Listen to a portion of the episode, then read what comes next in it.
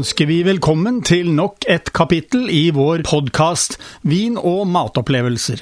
Som vi har gjort tidligere, vil vi tilby deg gode tips om mat og vin, ikke minst nyheter etter hvert som de kommer på Vinmonopolet. I tillegg til det vil vi ta spesielt for oss kombinasjoner av mat og drikke. Vær så god, det er servert. Tidligere så har vi eh, testet ut både franske druer og italienske druer, og i dag så har vi planlagt å teste ut noen viner av eh, typiske spanske druer. Ja, Harald, da har jeg eh, gleden av å ønske deg velkommen til en spansk aften. Ja, den har jeg gledet meg til lenge. Men hvilket forhold har du til Spania? Jeg har egentlig vært der eh, lite. Jeg har vært på Mallorca to ganger. Jeg har vel vært i Barcelona én gang. Og så har jeg vært på Kanariøyene, da. Men det, det kan vi kanskje ikke Men på fastlandet så har jeg vært veldig lite. Ja, jeg har reist litt i, i, Baskeland, og jeg har reist litt i Rioja. Rioja er jo et uh, velkjent område for mange nordmenn. I hvert fall vinene som kommer derfra. Ja, jeg også. Altså, jeg har vært som sagt da bare én gang på fastlandet i Spania, og er nok ikke så vant til spansk vin, med unntak av cava og viner, hvitviner fra Galicia. Jeg sa at vi skulle ha en spansk aften her i dag, og det er jo mye spanske tapas vi har satt som mål å ta for oss eh, i dag. Men det, du nevnte spanske cavaer, og eh, det er noe av det som blir anbefalt til, eh, til tapas. Ja, det kan jeg skjønne. Det som vi har erfart, er jo at cava og musserende vin er jo veldig anvendelig. Det er anvendelig til nær sagt allting. Og, det er klart, når tapasene er litt forskjellig mat, så er jo kanskje greit med, med musserende vin, for det, det, det tar jo alt. Det er helt riktig. Eh, det er veldig anvendelige viner. Og for eh, første gang så er det slik at vi har eh, til og med tatt med oss en hvitvin.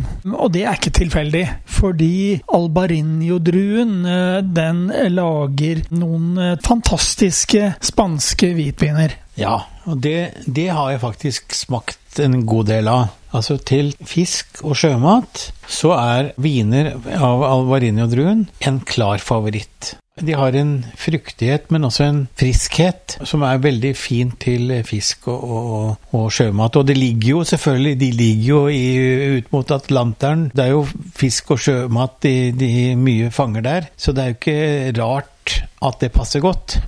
Jeg syns jo albarinio-druen er veldig flott. Veldig, veldig glad i den. Ja, vi kan jo ha flere spanskaftener, vi.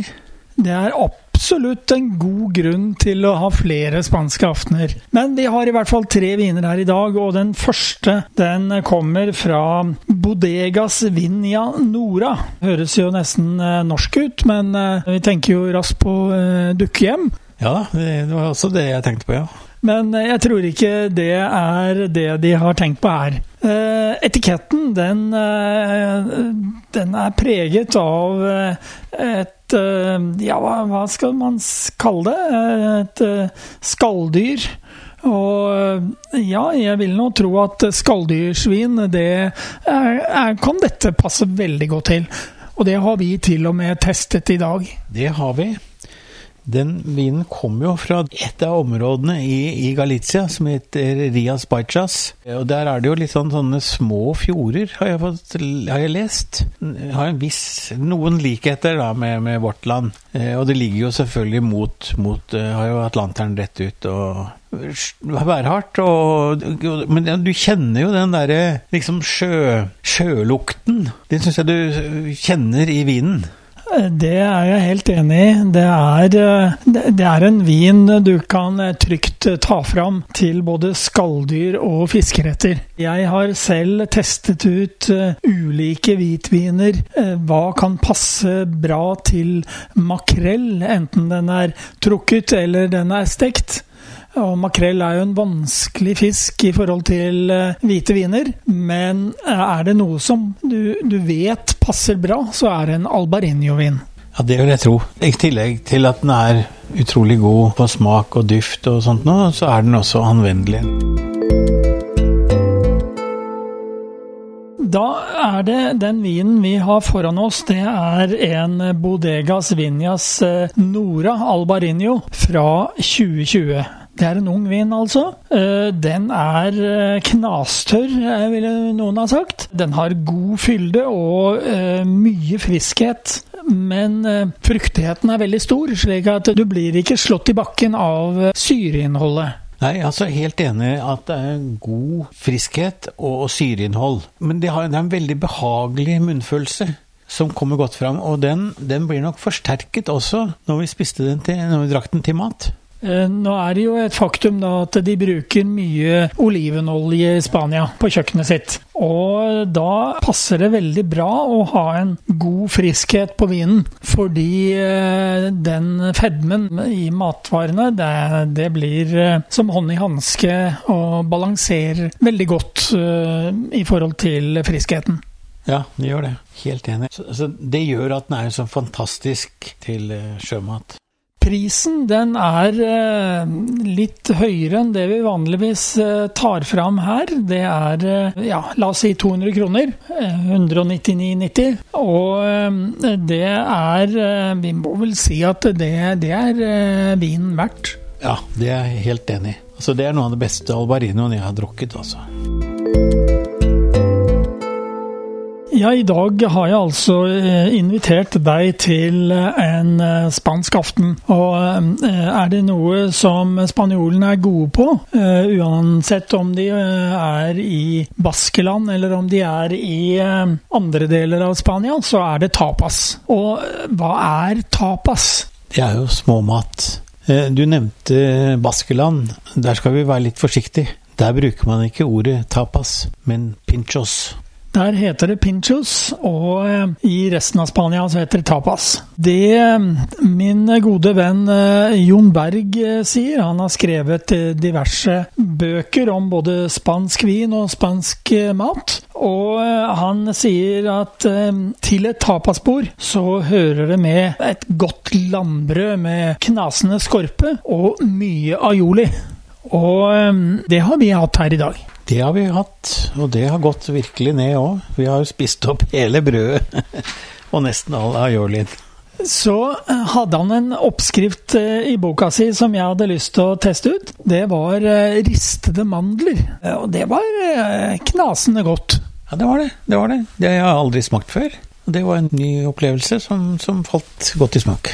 Og når vi da var kommet eh, godt i gang med både tomatsalat med mye god olivenolje over, og ikke minst eh, litt knasende ristede mandler og litt landbrød med alioli, så tok jeg og lagde litt eh, ristede reker i olivenolje til oss, med både chili og, og hvitløk til. Ja, det var en veldig god, veldig, veldig godt Karl Erik. Og vi må vel eh, være enige begge to om at eh, den hvite vinen den eh, passet godt der. Ja, og det som var litt sånn interessant å merke seg, er jo at vi, altså jeg syns at Alvarinho-vinen vår, den var god alene, men den ble faktisk enda bedre til maten. Det ble den. Og så, mens vi ventet på neste rett, så hadde vi litt uh, grønne oliven. Uh, jeg må jo innrømme at jeg er veldig glad i grønne oliven med litt uh, paprika eller tomat inni. Ja, det er jeg også. Og så kom det på bordet da krydrede spanske kjøttboller i tomatsaus. Hvordan smakte det for deg? Ja, det smakte godt. Jeg er glad i spanske kjøttboller, jeg. Ja. Og det er, liker den litt sånn krydrede. Også tomat veldig godt til, da. Det står seg godt. Det var litt krydret dette her, og det er vel det som skiller dette fra eh, typiske svenske kjøttbullar. Ja, jeg vil si at det er noen, en del forskjell der, ja. Men når vi hadde spist opp dette, så kom det da både serranoskinke på bordet, det kom chorizo-pølse, og det kom eh, hele tre forskjellige oster. Ja, det var utrolig godt. Både, både, kjøttet og osten. Altså den Ikke sant. Du hadde både en eh, vanlig eller, eller, eh, manchego, men også en vellagret manchego. Også kjempegodt. Sist gang jeg var i Bilbao, når jeg var der, så eh, var vi en tur oppom eh, et av disse stormagasinene midt i sentrum. Så har de eh, dette varemagasinet som heter El Cort Ingles. Og der har de alt mulig. Og oppe i øverste etasje, der var det matavdelingen. Der ble jeg eh, for første gang veldig klar over hva manchego er. Altså Manchego er jo så mye, fordi du kunne få det fra seks måneders lagring. 12 måneders lagring, og jeg tror faktisk det var 36 måneder på det meste. Det får man si var vellagret. Det kan man si var vellagret, utrolig mye god smak, da. Det var nok veldig mye god smak der. Jeg kjøpte ikke den, jeg kjøpte tolv måneder. Men likevel, det smakte godt, det også. Da har vi eh, trukket fram en eh, vin som er eh, da laget på Spanias nasjonaldrue, som mange sier. Den er en endruevin laget på Tempranillo, eller Tinto del Pais, som den også kan hete og det er El Coto Crianza 2017. Jeg har ofte øh, følt at Tempranillo lager veldig kraftige viner, og det er nok også riktig. Men noen ganger når du får den, så er den ganske rund og saftig og balansert i smaken. Har du noe erfaring med Tempranillo? Ikke noe særlig, det har jeg ikke. Men jeg syns at den er bare rund og balansert. Har altså ligget i fire år, og det er jo eh, ikke dårlig. Den kommer fra Rioja. Det er jo et øh, vinområde, og jeg tror også denne vinen er veldig velkjent blant nordmenn. Det tror jeg òg. Denne vinen ja, den har jo da altså ligget i fire år. Det er en crianza. Det betyr at den uh, ligger på hakket over bordvin. Men etter fire år så har den fått utviklet seg litt. Ja, den, jeg syns den var veldig god. Og det var jo Smakte jo selvfølgelig ofte ikke sant, som man har, ikke sant, mørke bær. Og så var det helt klart urter. Ja, den var, var veldig god både, både alene og også til mat. Jeg drakk jo den til eh, kjøttbollene, og så hadde den til eh, skinken. Det er jo en vin eh, som har en god del garvestoffer. De hadde blitt litt rundere i kanten på, i løpet av fire år. Men det som alle skal merke seg, det er at faktisk, når det gjelder tapas og vin til tapas, så er det de enkle saftige og kanskje da, jeg vil si, unge vinene som passer best. Du skal ikke dra fram de, de store, tunge og ø, kostbare vinene til tapasen. Nei, det, det, det, skjønner jeg også. Og det er klart det er jo også en utfordring. Tapas kan være nesten hva som helst. Å få viner som på en måte dekker ulike Så er det nok lurt å ta på en måte noen sånne litt lette viner som kan passe, som kan litt, forskjellige ting. Og det som er mye av grunnen til at man ikke skal ta fram de store, tunge, kostbare vinene fra vinkjelleren sin, det er jo det at unge, fruktige, saftige viner, enkle, ukompliserte, de passer til så mye. Og tapas, eh, det har vi fått eh, erfart i dag, det er jo så mye. Ja, det er veldig mye forskjellig. Og det at det er ikke sant, småretter, så, og så er det utrolig mye forskjellig man kan spise, og mye, så mye utrolig godt også. Og en annen grunn til å ikke ha de kraftige viner med mye garvestoffer, det er jo nettopp fordi at garvestoffer gjør at de krydrede eh, elementene i tapasen smaker mye mer krydret enn eh, de ellers ville ha gjort. Ja, det er et godt poeng. Det, det, hadde jeg ikke tenkt på, men det, det føles jo umiddelbart riktig, ja. El Coto Crianza 2017 koster altså 148 kroner. En annen vindrue eh, i Spania som er mye brukt til mange og gode viner, det er eh, den eh, druen som eh, der nede heter garnacha. Du skal ikke lenger enn over grensen til Frankrike, hvor den skifter navn og heter Grenache. Veldig kjent uh, drue der også. Men eh, i Spania heter den Garnacha, og vi har funnet fram til en vin som heter Caderna Via Garnacha. Og den kommer fra 2020, altså det er en ung vin. Og den eh, er laget på 100% Garnacha. Og hvordan opplevde du den vinen, Harald? Opplevde den at den hadde en god eh, munnfølelse. Det er klart, det her var også Smakte jo veldig gjenkjennelig med, med røde bær. Eh, urter. Ja, jeg syns den også var god. Eh, den andre var jo fire år gammelt, og denne her er jo fra i fjor. Den hadde, hadde god, eh, en god munnfølelse, altså. Den hadde begrenset med garvestoffer, men den hadde god fylde og fin friskhet. Den var saftig. Når jeg skulle kjøpe inn vin, så tenkte jeg at dette måtte jo være en vin som kunne passe bra til tapas. Ja, jeg tenkte også det, for det ut fra det vi sa tidligere om, om anvendelige, litt lette eh, viner, passer godt i tapas, for det kunne dekke mange ulike typer tapas. Men men den, den var mye god smak i den, og hadde som, som sagt en god balanse, syns jeg.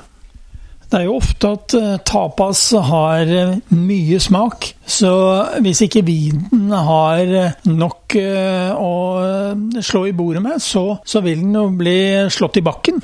Ja, det vil det. Det vil det ha maten, ja. Men, men her, her, gikk det veldig greit, syns jeg. Ja, jeg syns også det. Altså, det. det. er litt interessant. Det var to veldig forskjellige rødviner, men jeg syns de på hver sin måte passet godt. Dette var jo en vin som var rimelig. Den var 135 eh, kroner. Den kommer fra Navarra, og Navarra er, eh, ja, slik jeg opplever eh, området, så er det kjent for sine kraftige kjøttviner. Og de lager mye god vin der, det har jeg erfart. Men denne var altså en 100% Garnacha, og den hadde begrenset med garvestoffer. Og den eh, hadde da eh, allikevel, foruten å være saftig, så hadde den da eh, en god fylde og en fin friskhet. Svinekjøtt, storfekjøtt er den anbefalt til, og litt lyst kjøtt, som kylling f.eks. da. Da har du fått dagens podkast fra Radio Riks Oslo om mat og vin. Hvis du ønsker å abonnere på den, slik at du får den automatisk når nye blir lagt ut, kan du gjøre det. Kommende mandag får du neste kapittel. Vi høres!